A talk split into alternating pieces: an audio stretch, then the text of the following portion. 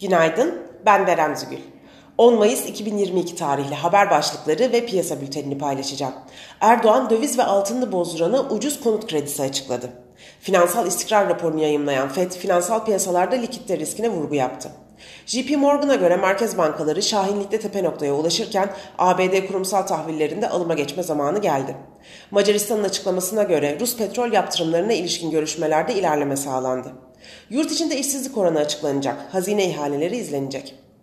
Piyasalara genel olarak bakacak olursak pay piyasalarında şirketlerin güçlü bilanço beklentilerinin korunması ve Borsa İstanbul'un TL varlıklar içinde tek alternatif yatırım aracı olması da bu güçlü görünümü destekliyor.